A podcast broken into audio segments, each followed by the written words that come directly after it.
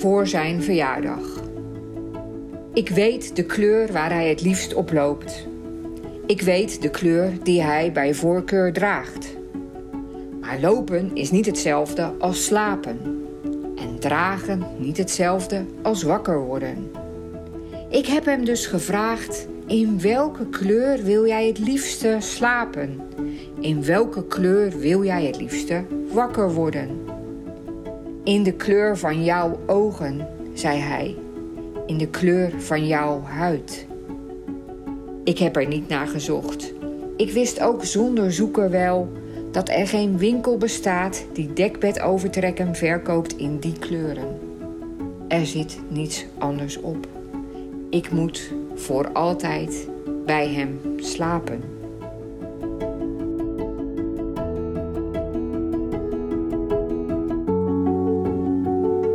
Een zoektocht naar het juiste woord.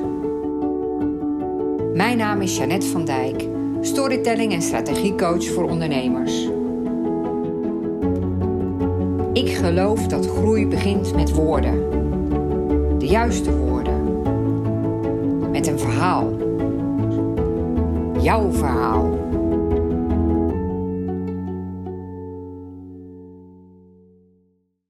Als je samen muziek maakt met een groep, dan weet je, dan voel je dat je onderdeel bent van die gemeenschap. En tegenwoordig, en vooral in werksituaties, doen we dat helemaal niet meer. Wij doen alleen maar praten. We bellen, we mailen, weet ik veel. Alles gaat met taal. En we zijn helemaal vergeten om die sociale cohesie een plek te geven. Welkom bij En we noemen het Storytelling. De podcast over storytelling en strategie in de breedste zin van het woord. Elke aflevering begint met een verhaal en deze keer heb ik gekozen voor een verhaal in de vorm van een gedicht, geschreven door Tjitske Jansen. In deze aflevering ben ik in gesprek met muzikus en spreker Janette Welp, die prachtige dingen doet op het podium en die vertelt wat voor prachtige en bijzondere dingen muziek doet met mensen. Ik leerde ervan dat muziek ritme is en dat iedereen zijn eigen ritme heeft en van zijn eigen ritme houdt. Ik hou van ritme in woorden. Ja, ik ben Jeanette Welp. Ik werk in de muziek, zal ik dan maar zeggen. En ik heb van alles. Ik heb een eh, muziekwinkel samen met mijn echtgenoot, maar die bestaat al twintig jaar. De laatste jaren gaat dat natuurlijk heel anders als voorheen met de, komst van het internet. Dus we zijn zo gaandeweg steeds meer gegaan naar reparatieatelier uh, en minder echt alleen op de verkoop. Dus ik repareer blaasinstrumenten, fluiten, klarinetten en saxofoons. En daarnaast uh, geef ik nog een paar uurtjes dwarsfluitles per week, want ik ben fluitiste. En ik ben spreker geworden in de afgelopen jaren. Ik ben 59, ik ben getrouwd. En ik heb twee volwassen kinderen en een kleinzoon. En ik ben nog lang niet klaar. Mooi. Ben je muzikant geworden naar, naar middelbare school? Of hoe, uh... Nou, ik heb het geluk gehad dat ik als jong meisje op de muziekschool mocht. Uh, dat mocht van mijn ouders. Dat was in die tijd nog best bijzonder. Ik koos uh, voor de dwarsfluit omdat ik dat zo'n mooi instrument vond. Maar ik was er best wel goed in. En omdat je ook verder niet zoveel te doen had in die jaren, speelde ik heel erg veel. Dus je ontwikkelt je ook snel. En het werd me al vrij snel duidelijk dat ik daar iets verder in wilde. En, en ja, ik had blijkbaar een talent. Dus uh, ik kwam in orkestjes terecht en ging met allerlei mensen samenspelen.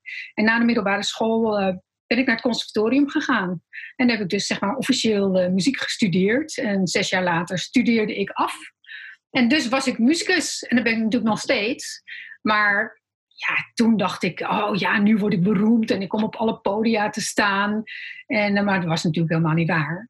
Want je leerde in die jaren nog helemaal niet hoe je jezelf uh, moest verkopen. Het ging alleen maar om hoe goed je werd op je instrument. Dus ja, ik ben muzikus. Ik heb altijd lesgegeven en dat is de rode draad. Maar ik ken mijn man al heel lang, al 38 jaar. En we zijn, vroeger hebben we samen muziektheater gemaakt. Dus dat was onze eerste schreden op het podium. We hadden zelf kinderen van drie en twee. En toen uh, zei ik van, zullen we wat leuks gaan doen? Want dat lesgeven alleen, dat is het ook niet hoor. En uh, zei ja, maar wat zullen we dan doen? Nou, ik heb een leuk verhaal. En als jij nou de liedjes maakt, want dat kan die heel goed, dan maak ik de teksten en dan maken we er een soort voorstelling van. En nou, van het een kwam het ander. En we hebben tien jaar lang ongeveer in totaal 900 voorstellingen gespeeld. Overal in Nederland, meestal heel ver weg. Dat hebben we heel lang volgehouden. Dus je leert daar ontzettend veel van. Wat me nu natuurlijk weer heel erg ten goede komt. Nu ik weer op het podium sta. Ja, want wat heb je geleerd? Uh, timing. Timing, heb, dat leer je echt. En kleuters zijn uh, de allermoeilijkste uh, publiek mensen die er zijn. Hè. Die zijn of ze zitten erin, of je bent ze meteen kwijt. Dan gaan ze allemaal plassen. Of ja, we hebben het ongeveer tien jaar gedaan. Je zei van, uh, we hebben er heel veel van geleerd. Onder andere, kleuters zitten erin of ze zitten er niet in. En wat neem je daar nu van mee? Nou, dat je ehm, heel erg je moet verplaatsen in de zaal, zeg maar. Hè? Zo van, je hebt een zaal met mensen, je, je, ik, zie, ik zie ze binnenkomen, net als vroeger we dat deden. Uh, je denkt bij jezelf, oké, dit is een zaal die de diepte in kan. Dat zie je gewoon, hè? je voelt het aan. Of je denkt, oh, snel, hier moet het snel, want anders ben ik ze kwijt. Of, is dat dan een gevoel? Of, of... Het heeft heel erg te maken met hoe ze binnenkomen. En hoe ze met elkaar praten, of het stil is, of iedereen op zijn telefoon zit, of uh, mensen een goede sfeer hebben met elkaar. Daar kan ik heel veel aan uh, aflezen en dat kan je gebruiken. Want uh, doe je bijvoorbeeld als het heel stil is? Als het heel stil is en iedereen zit in zijn eigen eilandje, dan uh, ja, mijn opening eigenlijk is, uh, nou, we gaan op een muzikale reis. Dat vinden mensen al heel. En, maar ik wil wel meteen even weten, hè, zijn de muzikanten in de zaal? Wie speelt er iets? Handen omhoog, even interactie met de zaal. En als laatste vraag ik, wie van jullie heeft ooit in een koor gezongen of doet dat nog steeds? Nou, dat zijn er meestal wel, nou, misschien paar tientallen mensen. En dan zeg ik, nou, dat is geweldig, want als je in een koor hebt gezongen, dan weet je wat muziek maken met je doet. En we gaan vandaag dat gebruiken. Dus we gaan die gezamenlijke energie die een koor oplevert, gaan we gebruiken in deze keynote. En dat betekent dat jullie vanaf dit moment allemaal muzikanten zijn. Dus wat zie je ze gewoon schrikken. Ja, ja, ja, ja. Maar wat je dus eigenlijk doet als het een stille zaal is, dan probeer je meteen een soort verbinding te maken vanaf het podium. Ja, zeker. Ja. Je moet meteen connectie maken met je zaal. Hè? Want anders dan sta je in je eentje op het podium te praten, slaat het helemaal nergens op eigenlijk. Ja, ja. Dus ik ga meteen die verbinding aan met hun. Bijvoorbeeld, ik stel ook wel eens een vraag, niet altijd, maar uh, wie van jullie heeft, net als ik, wel eens een instrument gekocht van nou, dat dat is het. Ik ga dit bespelen. En dan heb je een leraar gezocht en je bent helemaal vol goede moed. En dan twee maanden later staat dat ding ergens onder het stof. Hè, wie dan? Ja, nou, dan moet iedereen allemaal een beetje lachen. En ja, ik, ik, ik, ja, ik ook. Hè? Dus we, doen, we zijn niet verschillend wat dat betreft. En zo spreek ik over wat muziek met je doet. En, nou ja, en voor je het weet, dan doen we, als ik ze dan heb gezegd, we zijn vanaf nu muzikanten dan gaan we een warming-up doen. Gewoon fysiek aan de gang. Komen jullie maar even staan en doe maar met mij mee.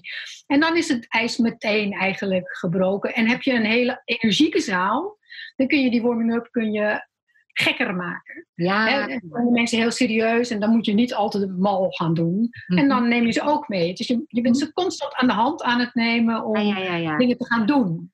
ja. En wat is een gekke warming-up? Ja, ik zeg altijd, oké, kunnen jullie me zien? Ja, natuurlijk, want ik sta op het podium. Doe maar met mij mee. En dan doe ik meestal dit. Nou, dan doet iedereen...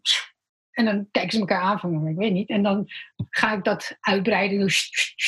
Ja, ja, ja. ja. Rare geluiden en ik ga omhoog en omlaag. Iedereen doet dat dan altijd mee. En uiteindelijk uh, ontaart dat in een soort klap mee klap oefening. Zodat we meteen ook iets muzikaals doen. Mm -hmm. En dan uh, zeg ik, nou, zijn we warm? Ja, oké, nou ga dan maar zitten, dan kunnen we beginnen.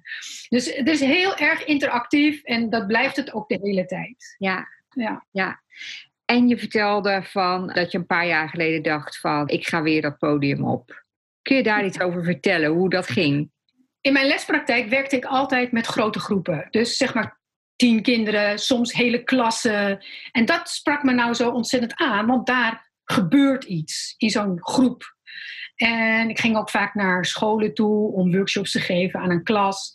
En het viel mij altijd op dat de kinderen het leuk vonden en de volwassenen zo gegeneerd waren. Dus de leraar die zei, nou, ik kijk wel. wat, wat is dit? Waarom is het alleen blijkbaar voor kinderen leuk? Ik dacht, ik wil daar iets aan doen. In combinatie met het feit dat ik ooit zelf een burn-out heb gehad. Mijn, mijn, uh, mijn dochter, mijn nichtje, mensen hebben het gewoon moeilijk gehad in nieuwe banen. Van de, de onderlinge verstandhouding tussen mensen en hoe je met elkaar omgaat, dat is zo vaak niet oké. En dat heeft te maken met gunnen of met uh, wantrouwen. En als ik nou iets kan doen om dat te verbeteren, dan moet ik dat doen. En dat kan ik dus door iets met muziek te doen. Dus vandaar dat ik steeds meer dat idee kreeg van ik wil iets met volwassenen. Maar ja, ik ben fluitiste. Hoe kan ik nou met een fluit en naar een bedrijf? Ik zag dat helemaal niet. En ik zocht heel erg naar een muziekinstrument die dat wel kon. En toen zei mijn man op een avond, nou moet je eens kijken, ik zie hier iets op YouTube en die zag dus mensen met die boomwekkers bezig. Dat zijn instrumenten die kan iedereen spelen. Toen dacht ik, dit is het. Dit ga ik gebruiken. En dat heb ik toen gedaan. En toen groeide het, groeide het, groeide het van workshops naar training. En toen dacht ik, ja, maar ik wil ook spreken, want ik wil het ook uitleggen. En zodoende ben ik nu spreker geworden, zeg maar. Ja, en kan je iets meer vertellen over die innerlijke drive? Want je bent eigenlijk van, ik wijs het nu aan, dat zien de luisteraars niet, maar van hier ben je gewoon zo'n berg opgelopen. En elke keer weer zo'n nieuw stapje. Waar haalde je de moed en het vertrouwen vandaan? Ik denk dat het komt omdat ik bij alle stapjes die ik zette, steeds dacht vooraf wat doe je nou weer? En waarom wil je dit nou? Dit slaat nergens op, weet je wel? Dat je met klotsende oksels naar een eerste klusje gaat met mensen. En toen had ik nog niet eens instrumenten. Oh, dat is verschrikkelijk. Maar dan als ik dan wegreed, terug naar huis, dacht ik iedere keer... Ja, maar wacht eens even, maar dit was dus wel iets.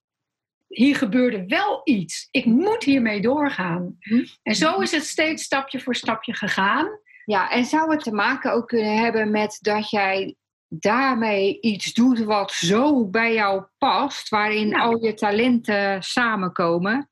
Daar heb je helemaal gelijk in. En dat moment, ik zal dat niet snel vergeten, dat um, toen ik op TEDx Arnhem stond in uh, eh, 2015, dat was de eerste keer, serieus, dat ik, en dan ook meteen in het Engels, hè, is meteen lastig, dat ik met een zaal volwassenen serieus muziek ging maken met de Boomwekkers. En toen ik daar stond op het podium en ik had ongeveer tekst uh, vijf minuten en tien minuten muziek maken. En in die vijf minuten vertelde ik kort mijn levensverhaal, wat muziek voor mij betekende, wat het voor hun kan betekenen en uh, hoe belangrijk het is dat je samen creatief bent.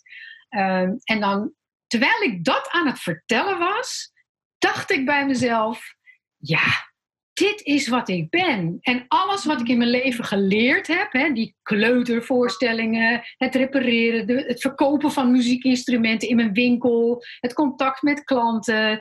En nu sta ik hier en nu valt alles op zijn plek. Dit is wat ik ben. En dat spelen daarna, dat was één groot feest. Die mensen die deden het zo goed. En er waren ongeveer 100 mensen in de zaal. En toen het afgelopen was, en ik zie het nog wel eens terug op opnames, begon iedereen keihard te juichen. Niet alleen maar applaus, weet je wel, maar echt zo van ja. Ja, ja, ja, toen dacht ik, ja, nu is het klaar. Dit is wat ik ben. Ja. En vanaf nu. En ik denk ook van niet alleen van dat je dacht, dit ben ik, maar ook wat voor effect het had natuurlijk. Op Enorm, ja. ja. Dus meteen je, eigenlijk je grotere missie was toen natuurlijk ook heel... De... Jee, maar hoe was het? Ging dat bewust dat je daar zo stond en dacht... ja, ik ben nu waar ik zijn moet of zo? Wat? Nee, dat dacht ik helemaal niet bewust. Maar ik had... Kijk, die kans die kreeg ik, hè. Die mevrouw die dat organiseerde in Arnhem, die belde mij op. En die had ik maar één keer een keertje ergens gesproken, in een café notabene. En die zei van, wil jij op eh, TEDx spreken? En toevallig had ik ik denk een maand daarvoor tegen een vriendin gezegd: Mijn doel is binnen vijf jaar op een TEDx staan. Zo, weet je wel. En, en zij zei: Wat is dat TEDx? Dacht ik: Oh shit, dat is jammer, dat weet je niet. Ja. En, ehm, Maar een maand later werd ik dus gebeld door uh, Amy van Son. En zij vroeg of ik dat wilde. En ik zei, ja, natuurlijk. Ken jij het boek The Big Leap van Guy uh, Hendricks? Een kwantumsprong. Ja, de Giant Leap noemt hij het. Naar je zone of genius, waar je alleen maar groeit en bloeit en van veel meer betekenis kunt zijn. En ik zie gewoon aan jou van, ik hoor het ook van, fantastisch. Ja. Ja, je vertelde van, ik zag zo al die stappen en zo. En alle grote stappen zijn natuurlijk spannend en eng en alle verandering is moeilijk. Zat je jezelf vaak daarbij in de weg? Wat waren je grootste obstakels, zeg maar, in je innerlijke zelf? Of had je die helemaal niet? Jawel, natuurlijk. Kijk, dat hele TEDx was zo'n soort eiland van fantastische dingen. Hè? En weet je wat er ook nog gebeurde? Ik was uh, klaar, was pauze, ik liep naar het toilet en op de trap kwam ik iemand tegen en die zei: Hey, heb jij 14 juli tijd? Dus ik had meteen een opdracht binnen. Geweldig. Oh, ja, dus, en toen dacht ik, nou, ja. dit kan nooit meer fout gaan. Nee. Maar wat moeilijk is, wat echt moeilijk is, is daarna zorgen dat iedereen weet wie je bent, uh, dat, werk zoeken, viel me nog hartstikke tegen hoor, eerlijk gezegd. Want uh, in, het was in 2015 TEDx. In 2016 heb ik geloof ik twee keer ergens gestaan. In 2017 één keer. En het schoot allemaal maar niet op. Ondertussen was ik maar constant andere dingen aan het doen om gewoon mijn geld te verdienen. Ik was toch ondernemer. Dus ik ging heel vaak uh, met scholen dingen doen, met kinderen. Maar ik wilde dat ik wilde die stap maken naar het volwassen leven. Ja. Dus dat was best heel moeilijk. Uh, dat vond ik eigenlijk wel echt tegenvallen. Want ik dacht, hé, hey, hallo, ik ben geen twintig meer. Het moet nu wel gaan, hè? Ja. En als je dan in een jaar zoveel moeite doet... en ik deed de gekste dingen. Ik ging zelfs... Uh, uh, in, in mijn mooie kleren naar, naar allerlei eventplekken toe om maar met iemand te spreken, dat ze weten wie ik ben. Ging dan middagen of dagenlang in de auto overal naartoe. Zo mag ik, heb, heb je heel even, mag ik uitleggen wat ik doe? Nou, dat schiet allemaal helemaal niet op. Ik heb allerlei dingen gedaan die me niks hebben opgeleverd, maar wel constant met die, die drive om werk te vinden, zeg maar. Is het waar dat het je niks heeft opgeleverd? Sommige acties waren zinloos. En andere, ja, veel mensen wisten dan uiteindelijk wel wie ik was. Misschien lag het ook nog aan mij, hè, dat ik het niet duidelijk genoeg kon overbrengen. Hè, want je bent toch onzeker. Mhm. Ja, als mensen zeggen van, maar wat doe je dan? Mhm. Nou, ik maak muziek met slaven. Dan denken mensen vaak, ja, nou, dat vindt hier niemand leuk. Weet je, dat. Het is gewoon heel moeilijk om de juiste toon te treffen op het juiste moment. Dat mensen geïnteresseerd zijn. Ja. En ja, dat ging in het begin heel erg moeilijk. Ja, en daar is waarschijnlijk een ommekeer in gekomen. Ja, ja. Eind 2017 dacht ik, nou is klaar. Ik ga een regisseur zoeken. Ik ga een regisseur zoeken die mij helpt om alles wat nog net niet lekker loopt in dat wat ik had verzonnen, te helpen te rangschikken of beter te maken. En dan, nou, dan geloof ik er misschien zelf ook meer in. Weet je, ik had heel weinig waar ik op ging. Ik had maar eigenlijk alleen die TEDx en nog een ding en nog een ding, maar toen was het klaar. Dus dat heb ik toen gedaan. Ik plaatste een oproep op LinkedIn. Wie weet voor mij een leuke regisseur. En zodoende kwam ik bij Lisa Portenge uit. En die Waar wij elkaar ook van kennen. Ja, precies. Daar heb ik mee gesproken en heb ik met haar uh, een één op één sessie gedaan. En zij was natuurlijk ook meteen eigenlijk enthousiast en dat deed me ook echt heel goed. Maar het ging er meer om dat de, de lijn van, of tenminste het hele verhaal kreeg veel meer handen en voeten. En het werd gewoon duidelijker. En uh, toen dorst ik zelf ook gewoon kon ik het beter verkopen. Je kon het ook beter verkopen omdat je een beter verhaal had, denk ik, hè? Juist, ja, ja, inderdaad. Daarna ging het gewoon langzaamaan beter, laat ik het zo zeggen. Dus in 2018 hebben we dan gewerkt met, uh, met Lisa en ook in die marketingtoestand gedaan met, met Karel, haar uh, vriend. vriend. En um, maar ja, daarna zakte het toch weer een klein beetje ook weg. En toen dacht ik, nou, ik besteedde geld aan advertenties. Nou, daar ben ik mee gestopt. Vond ik zonde. Ik dacht, hier schiet het niet op. Want je merkt wel dat mensen kijken naar je site, maar nooit langer dan drie seconden. Ik denk, nou, er klopt iets niet.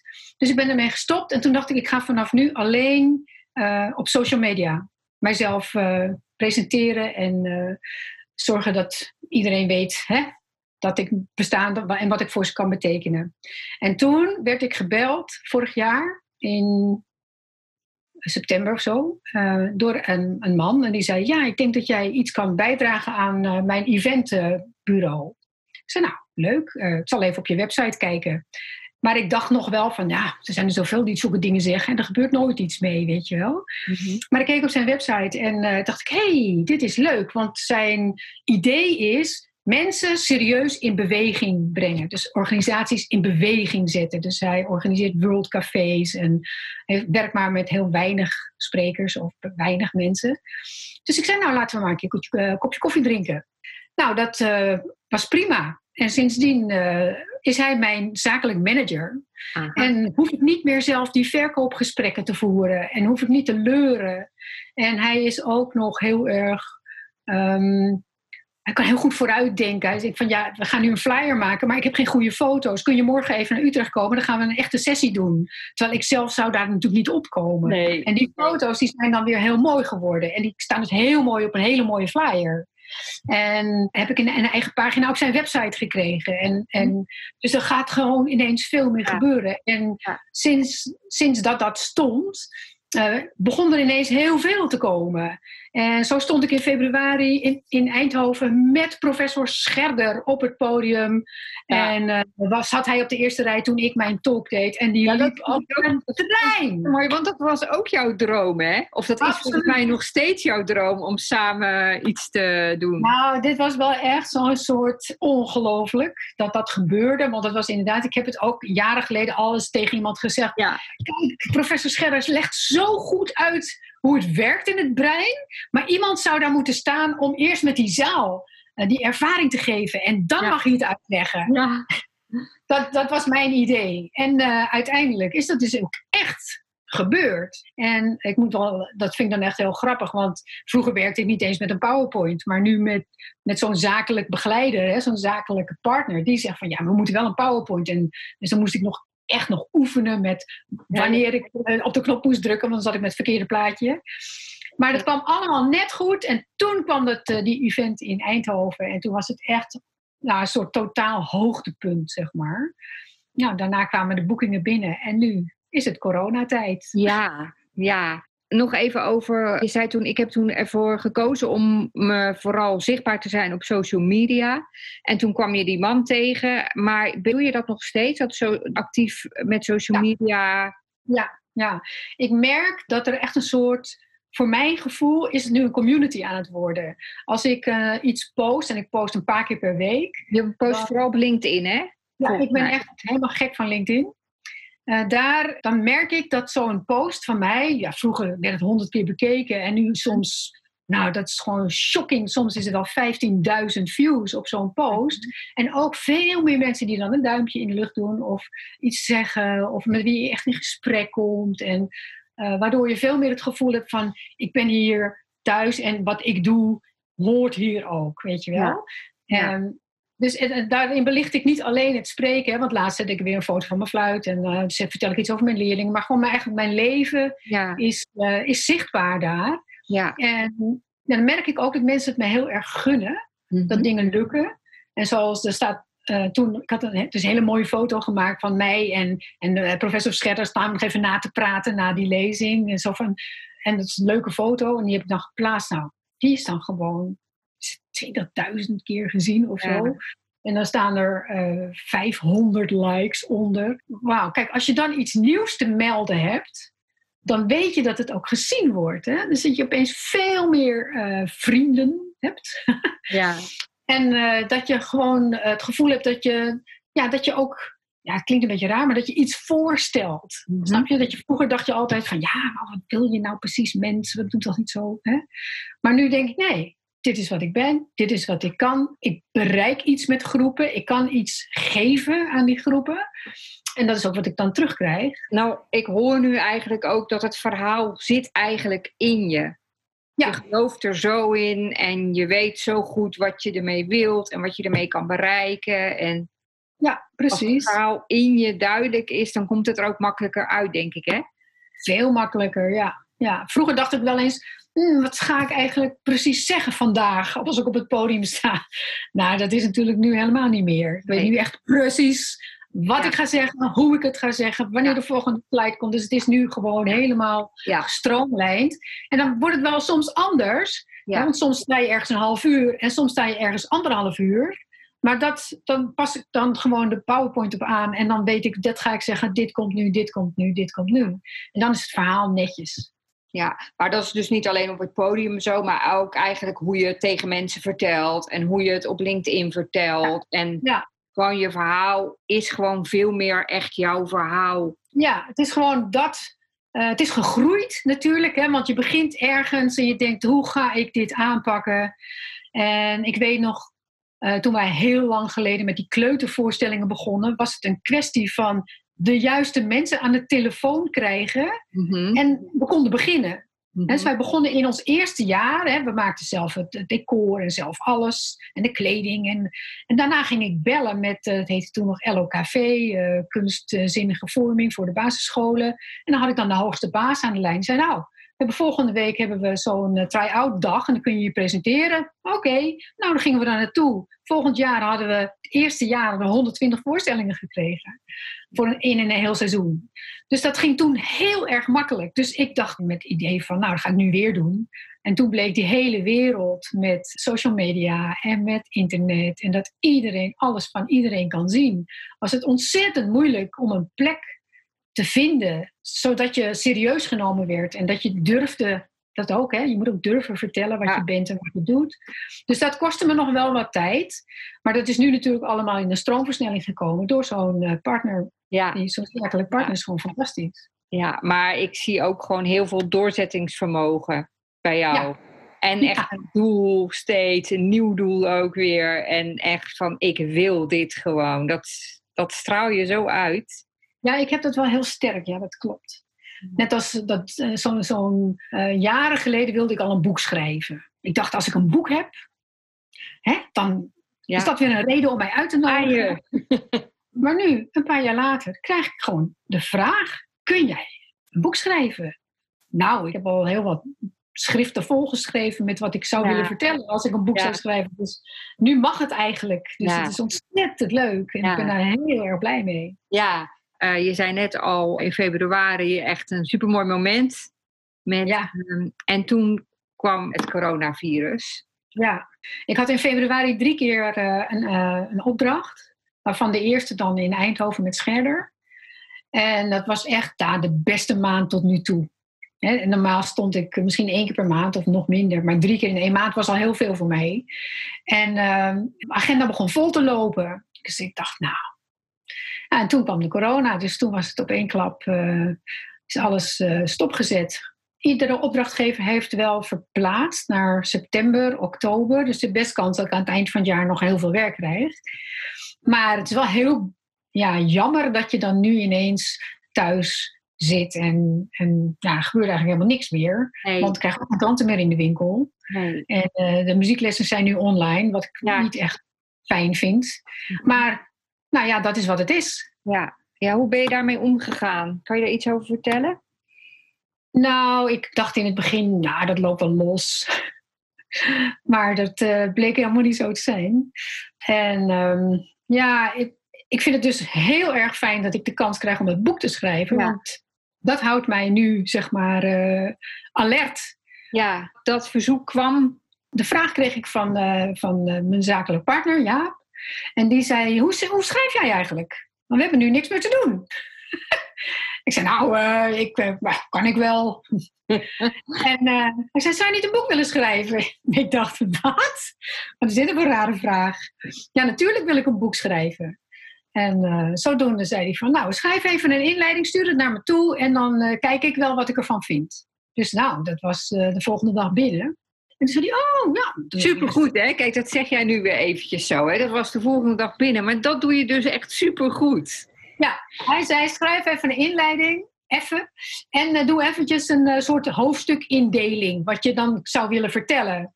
Nou, dat had hij dan die dag daarna. En toen zei hij, ja, nou, leuk, weet je wat we doen? Eh, jij schrijft een hoofdstuk, stuur het naar mij. En dan ga ik het redigeren, zeg maar. En als we allebei eens zijn, dan zetten we het in de map boek.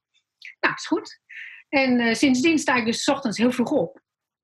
En ehm, ik, ik drink elke ochtend om, om 11 uur koffie bij, bij, bij mijn demente moeder. Dus dat is structuur. Ja. Dus nu sta ik vroeg op en dan schrijf ik tussen 8 en, eh en 10. Het ziet er heel raar uit, want ik schrijf in een koude keuken. Want eh, ik hou van kou. Dan werk ik veel beter. Dus als het heel warm is, dan moet ik slopen. Dus dan heb ik allemaal kleren aan. En dan zit ik daar achter mijn laptop te schrijven. En dan om tien uur, dan stop ik. En dan ga ik uh, me klaarmaken om naar mijn moeder te gaan. Maar dan heb je dus twee uur lang geschreven. En nu blijkt het zo te zijn dat in de middag en in de avond zet ik op voor het volgende hoofdstuk. En dan de volgende ochtend in die twee uur maak ik dat hoofdstuk klaar. En dan stuur ik het op. En iedere dag, nou, ik ben nu bij hoofdstuk 7. Ja. En, uh, dus dat, en het is gewoon geweldig fijn om te doen, want je hebt een houvast, je weet iets, ik ga je vormgeven aan iets dat ik dan later ontzettend goed kan gebruiken. En ik hoop dat heel veel mensen zo'n boek willen lezen. En, het, en ik schrijf het voor iedereen. Dus niet voor muzikanten en ik schrijf het niet voor mensen die naar lezingen gaan, maar dat iedereen begrijpt, muziek is een deel van wat je bent. En... want ik wilde net vragen, waar gaat het boek over? Nou, het boek gaat over muziek, is een deel van wat je bent. Ja, dat klopt. En hoe je dat kunt voelen, ervaren en wat je ermee kunt doen. En hoe je maar nog even, hè. ik luister wel eens naar muziek en ik hou soms ook best, maar ik ben totaal niet muzikaal. Dus ik voel helemaal niet dat muziek een deel is van wat ik ben. Als je aan mensen vraagt in een zaal, uh, wie van jullie vindt zichzelf onmuzikaal? Dan gaat 80% van de handen in de lucht. Ja, toch? Ja, die van mij allebei. Ja, twee hè, waarschijnlijk, ja. Maar in werkelijkheid is het zo dat, kijk, het bestaat. Er zijn mensen die niet muzikaal zijn. Dat is ongeveer 2% van de wereldbevolking. Uh, maar als je het vraagt aan zalen, dan denkt 80% van iedereen die er is, dat die in die 2% passen. Maar dat is natuurlijk helemaal niet waar. Echt onmuzikale mensen, als die een liedje zingen, herken je het liedje niet. Je herkent de tekst niet, de woorden niet, de tellen niet, het ritme niet. Je snapt niet welk liedje het is. Al is het van Jacob. Ja, ik ben toch volgens mij die 2%. Want ik heb het weer, toen ik nog bij de krant werkte, ik woon in Leiden en daar was toen heel veel overlast van meeuwen. ik hou heel erg van zingen. Dus ik was een keer daar op die redactie een beetje aan het zingen. En toen zei iemand: nu weet ik wat de oplossing is voor de meeuwenoverlast in de stad. We gaan zeggen dat ze jou moeten inzetten. Maar in mijn hoofd klinkt het best mooi. ja. nou misschien hoor jij bij die 2%. Het bestaat. Het is net zoiets als dyslexie. Het is er gewoon. Maar dan heb ik toch nog even een vraag. Hè? Ja? Is muziek dan toch nog een deel van mijn leven? Ja, absoluut. Want jij hebt namelijk ook jouw interne ritme. Je hebt je dagritme. Je hebt, uh, het jaar heeft een ritme, een dag heeft een ritme, de natuur heeft een ritme. Jij gaat misschien graag naar het strand of naar het bos. En dat doe je omdat je daar uh, zeg maar, tot rust komt. Maar dat komt door de wind in de bomen, dat komt door de branding van de zee. En dat zijn ritmes die in oh, ons leven gewoon een rol spelen. Oh, maar weet je, ik hou heel erg van ritme in taal. Juist. En ook als ik zelf iets schrijf, dan moet er ook een bepaald ritme, dan, dan Juist. dat gewoon. Juist, dat is jouw ritme en dat is jouw manier van met muziek omgaan. En, en dat heeft oh. iedereen. En iedereen, jij, zoals ik ben een ochtendmens, mijn man is een avondmens. Ik voel het zo prettig, dat is mijn ritme, hij heeft een ander ritme. En iedereen heeft dat. Muziek zit gewoon in ons. En als we met z'n allen in een voetbalstadion op de tribune staan, dan ga jij je mond niet houden als iedereen We Are the Champions zingt. Snap je? En dus dat muziek, dat zit gewoon in ons. Alleen wij volwassenen in deze tijd denken altijd dat dat iets is voor kinderen of voor school. Of... Nee, dat is helemaal niet waar. We maken er alleen geen gebruik meer van. Maar vanuit de evolutie zit muziek in ons. Er werd muziek gemaakt in de eerste gemeenschappen. En er werd muziek gemaakt in samenzang in de kerken. Maar tegenwoordig zijn de kerken bijna leeg. En doen we dat allemaal niet meer. En, en wat missen we daardoor? Ja, samen gevoel van samen, de gevoel van verbinding is weg. Vroeger, toen de eerste gemeenschappen bestonden, nou ik praat over miljoenen jaren geleden, hè, dus uh, toen taal kwam en voor taal was er al muziek, dat was de eerste manier van communiceren. Daarna kwam taal en in die gemeenschappen bestonden taal en muziek naast elkaar. Samen waren die twee communicatie. Taal werd gebruikt voor de afspraken en muziek werd gebruikt om die sociale cohesie te voelen en te voeden. Als je samen muziek maakt met een groep, dan weet je, dan voel je dat je onderdeel bent van die gemeenschap. En tegenwoordig, en vooral in werksituaties, doen we dat helemaal niet meer. Wij doen alleen maar praten. We bellen, we mailen, weet ik veel, alles gaat met taal.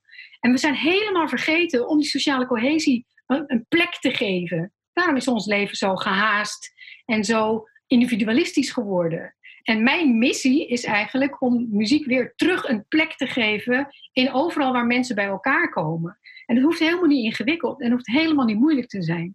Want als ik tot drie tel en ik zeg op de vier die ik niet zeg, klappen jullie tegelijk in je handen, dan is het er al. Snap je? Want dan zijn ze allemaal gefocust op, dat, op, op die vier tegelijk in je handen te klappen. Dan is die verbinding er al. Dat is prachtig. Dat zie je meteen gebeuren. Maar hoe hou je dat dan vast? Want jij komt één keer en iedereen maakt muziek en dan ga jij weer weg. Ja, dat is inderdaad het ding. ik wil ook wel één keer per maand komen hoor, zit ik helemaal niet mee. Maar het zou nog beter zijn als die mensen, uh, die maken dan met mij in de zaal uh, zeg maar uh, muziek. En dan zo'n lezing duurt een uur of anderhalf uur, soms twee uur. En dan zijn het muzikanten geworden. Ik, ik doe een aantal keer in mijn lezing een soort beroep op, doe het nou gewoon. Want het maakt niet uit wat er klinkt, dat komt door die shows zoals The Voice of Holland. Dat je denkt dat je heel goed moet zijn om muziek te kunnen maken. Dat is helemaal niet waar. Iedereen kan op een mondharmonica spelen. En ik, ik leg ook uit dat ik als fluitiste altijd bezig ben met dat blazen. Maar ik pakte wel eens een gitaar en daar kan ik helemaal niks op. Maar dat spelen, dat schuiven op een snaar en van hoe klinkt dat dan? En dat hele experiment, dat is al genoeg dat is al muziek maken. En dan, omdat je hersenen namelijk op dat moment in een soort time-out terechtkomen. Die zitten in die wereld van die klank ineens. En alles wat je verder denkt en hebt gedaan en wat je nog moet doen, is eventjes helemaal weg. Dus die muziek is een time-out voor je hersenen. Tegelijkertijd is het een explosie van verbindingen, want uh, ritme, toonhoogte, alles moet verwerkt worden. En dus het is best wel een heel gek gegeven hè, wat muziek met je doet. Maar iedereen kan dus. Ik zeg ook, wie heeft er een piano staan waar je nooit op speelt? Ja, heel veel, hè? Vingers omhoog. Je hoeft alleen maar met twee wijsvingers twee toetsen aan te slaan. En dan ga je met één vinger zo lopen. Of met de andere vinger. En dan gebeurt er iets. En als je maar in dat gevoel zit van... Hé, hey, dat klinkt leuk. Oh nee, dit niet. Nou, dan ga ik dat doen. Oh, dat is beter. Weet je, dan spelletje. Het is een spelletje. Spelletje met muziek. En wat het je oplevert is heel veel. Want wat gebeurt er precies in je hersenen? Je zei het is een soort time-out. Ja, wat er in je hersenen gebeurt als je muziek maakt, is de time-out is dat je met je gedachten even uit je dagelijks leven bent. Verder ontstaat er een explosie van verbindingen, zowel aan de linkerkant van je hersenen als aan de rechterkant. Als je daar een MRI-scan van maakt van iemand die muziek maakt, je ziet overal verbindingen. En eh, dat zorgt ervoor dat er nieuwe connecties gemaakt worden, nieuwe verbindingen. Dus als je bijvoorbeeld altijd op dezelfde manier reageert, zo van, ik ken iemand die zegt op wat ik ook zeg, al waar je zin in hebt. Dat is een uitgesleten pad, wat je vanzelfsprekend altijd maar zegt. Maar dat je dit doet, hey, zou het best wel eens kunnen zijn dat je de volgende keer denkt, oh wat leuk dat je dat gaat doen. Een andere manier van reageren, een andere uh, manier van oplossingen verzinnen. En als je dat snapt, dan snap je ook dat iedereen dat dan heeft en dat je dus met elkaar iets nieuws kunt maken of iets nieuws kunt neerzetten. Eigenlijk is dat het begin van innovatie. Hè? Dus het zou eigenlijk heel goed zijn om voordat je op je werk bijvoorbeeld met een brainstorm sessie begint, om met elkaar eerst even muziek te maken. Of als je een post wilt plaatsen op social media als ondernemer, dat je denkt, ik ga eventjes uh, trommelen op de tafel of zo. Oké. Ik heb in mijn PowerPoint een foto van de wethouders van een gemeente om hun nieuwe vergadertafel. En daar zitten ze allemaal met een boomwekker. En daaronder staat: uh, Onze vergadering begint tenminste alvast ritmisch. Ja, ja, ja, ja, ja. Daar had ik dan die week daarvoor zo'n lezing gegeven. En die gezichten van die mensen, die zijn open, stralend. Hè? Dus dat is gewoon heel goed. En wat ik nog vergeten was te zeggen: uh, in, in, je hersenen komt dopamine vrij als je muziek maakt heel veel. Veel meer dan bij hardlopen, fietsen, roeien, weet ik veel wat. Heel veel dopamine, daar word je gelukkig van. Hè? Dat is het beloningssysteem van hersenen. En er komt oxytocine vrij en dat is het knuffelhormoon. Dat betekent dat je onder andere elkaar ziet staan. Dat gevoel voor samen. Waardoor je zeg maar opener wordt en onbaatzuchtiger. En waardoor je veel meer snapt, hé, hey, ik heb iedereen nodig om samen dit probleem te tackelen. In plaats dat het een spelletje is van ego's en dat soort dingen. Dus het kan heel veel opleveren. En wat moeten nou die 2% mensen zoals ik, die niks met muziek hebben en geen instrument thuis hebben en niet mogen zingen? Gewoon doen, zingen. Gewoon doen. En uh, genieten. En ook naar muziek luisteren kan het ook doen. Maar voel je vooral vrij. Er is altijd toch een brommer in de klas. En die moet ook gewoon kunnen zingen. Dat is uitstekend. Want het resultaat is totaal ondergeschikt aan wat het je oplevert. Dus jij zegt, ja, ik hou van muziek, maar blijkbaar ben ik alleen geschikt om meeuwen af te schrikken. Dat vind ik echt vreselijk om te horen. Nee, je moet gewoon muziek maken. Ja, het is heel gek, want in mijn eigen hoofd klinkt het altijd best wel mooi. ik heb nog even een paar vragen. Het instrument dat jij gebruikt. Ja, dat is de boomwekker. Een boomwekker is een, um, een plastic buis in een bepaalde kleur. En die zijn er in allerlei lengtes. En dus iedere lengte heeft zijn eigen kleur. Die sla je op je hand en dan hoor je boom. En de beweging is in het Engels wekken, dat neerslaan. En daarom heet het een boomwekker. En um, die heb je in allerlei kleuren. Maar ik gebruik ze niet allemaal. Als ik in een volle zaal zit, gebruik ik zes kleuren uit een toonladder. En die klinken altijd goed samen. Zodat dat gevoel voor eenheid ook heel erg benadrukt wordt. Iedereen kan het. Je hoeft niks te weten van muziek. Je hoeft niet muzikaal te zijn. Jij kan het ook. Nou, ik stel elke gast een vraag uit het boek If. Dat zijn vragen van de Game of Life. Ja. En dan sla ik het boek open en dan stel ik de vraag die ik het eerste zie. En de vraag voor jou is: als je de leiding zou hebben over één bedrijf of organisatie in de wereld, wat voor instelling, organisatie of bedrijf zou dat dan zijn en waarom? Nou, hoe moeilijk. Ik denk dat wat ik zou willen is directeur worden van een bedrijf die uh, zorgt, ik weet niet of dat bestaat of hoe het heet, eerlijk gezegd. Die zorgt dat iedereen die in Nederland woont of komt wonen, vluchtelingen of uh, arbeidsmigranten, die nu soms zo slecht behandeld worden. Hè, met z'n allen hutje-mutje in een container moeten slapen. Terwijl hier in de buurt heel veel uh, landbouw. Hè? Die doen dan het werk op het land, maar ze, ze worden slecht behandeld, vind ik. Dat die mensen, zeg maar, goed opgevangen worden met goede huisvesting, maar ook met muziek, hè, samen muziek maken. En dat ze zich vertrouwd voelen in ons land, waar ze te gast zijn of hier wonen, maar waar ze in ieder geval meedraaien in de economie. En uh, vind ik dat ze beter behandeld moeten worden. Dus daar zou ik me dan voor inzetten. Nou, mooi. Nou, dankjewel voor uh, dat, je, dat je hier wilde komen, zeg maar. Ik vond het een heel leuk gesprek. En um, succes met je boek. En met alle andere mooie dingen die je nog gaat doen. Dankjewel. En laten we samen even een liedje gaan zingen. Ja, goed. Grapje. hey, dankjewel hè. Ja, heel graag gedaan. En uh, ik hoop je weer een keer te zien. Leuk dat je hebt geluisterd naar deze aflevering van En we noemen het Storytelling. Je kunt de eerste aflevering ook nog afluisteren. Die gaat over verhalen in tijden van corona. Over hoe we met z'n allen beter om kunnen gaan met deze uitdagende tijd. Ik zou het heel leuk vinden als je een recensie of een beoordeling wilt achterlaten op Spotify of Soundcloud of iTunes. Of allemaal natuurlijk. Dat zorgt ervoor dat deze podcast makkelijker wordt gevonden. En wil je weten wat storytelling en strategie kan betekenen voor jou als ondernemer? Neem dan gerust contact met me op. Je kunt me natuurlijk volgen op social media of een kijkje nemen op mijn website janetvandijk.nl. Heel graag tot de volgende aflevering.